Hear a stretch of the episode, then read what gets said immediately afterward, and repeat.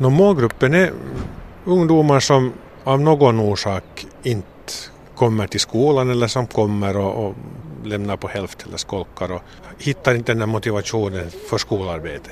Det är ett växande problem det här, de som, som egentligen blir hemma och ligga eller kommer inte iväg, att, att ha inte en klar problematik, inga, inga större in, inlärningssvårigheter eller annars eller sociala problem, men just att komma till skolan där, där man kanske ställer mera tydliga krav eller eh, också krav på sånt som man inte eh, kanske är intresserad av eller är bra på så måste man ändå prestera. Och, och, de elever vi nu har också har väldigt olika problematik i bakgrunden varför, varför skolgången inte har fungerat. Och hittills verkar det vara en bra lösning för dem men, men vi har ju inte gått så länge ännu så vi vet ju inte om det här är lösningen sen i alla fall. Och, och, och som en ny verksamhet så, så kommer den att få leva och utvecklas säkert flera år ännu innan vi hittar en bestämd form. Och, och kanske också från år till år beroende på vilka elever som antas till gruppen som, så kan den leva lite. Men hur viktigt är det att fånga upp just de här eleverna medan de ännu går i skolan?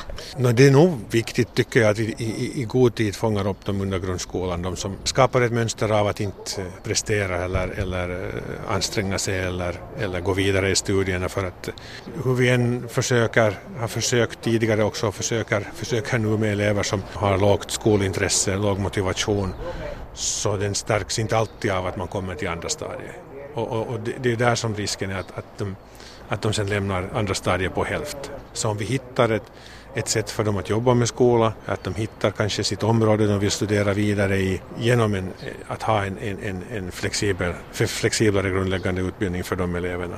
Så då har vi ju vunnit mycket.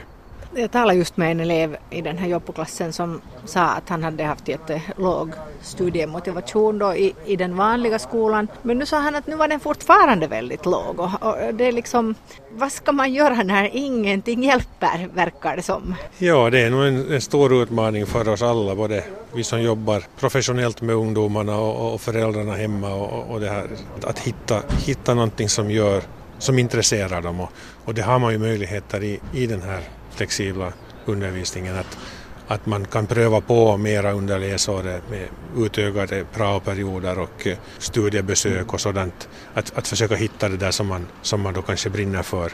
Inte säga att vi, att vi kommer att lyckas för alla, men att hitta, hittar man redan bra lösningar för en del av eleverna så, så har vi ju vunnit någonting.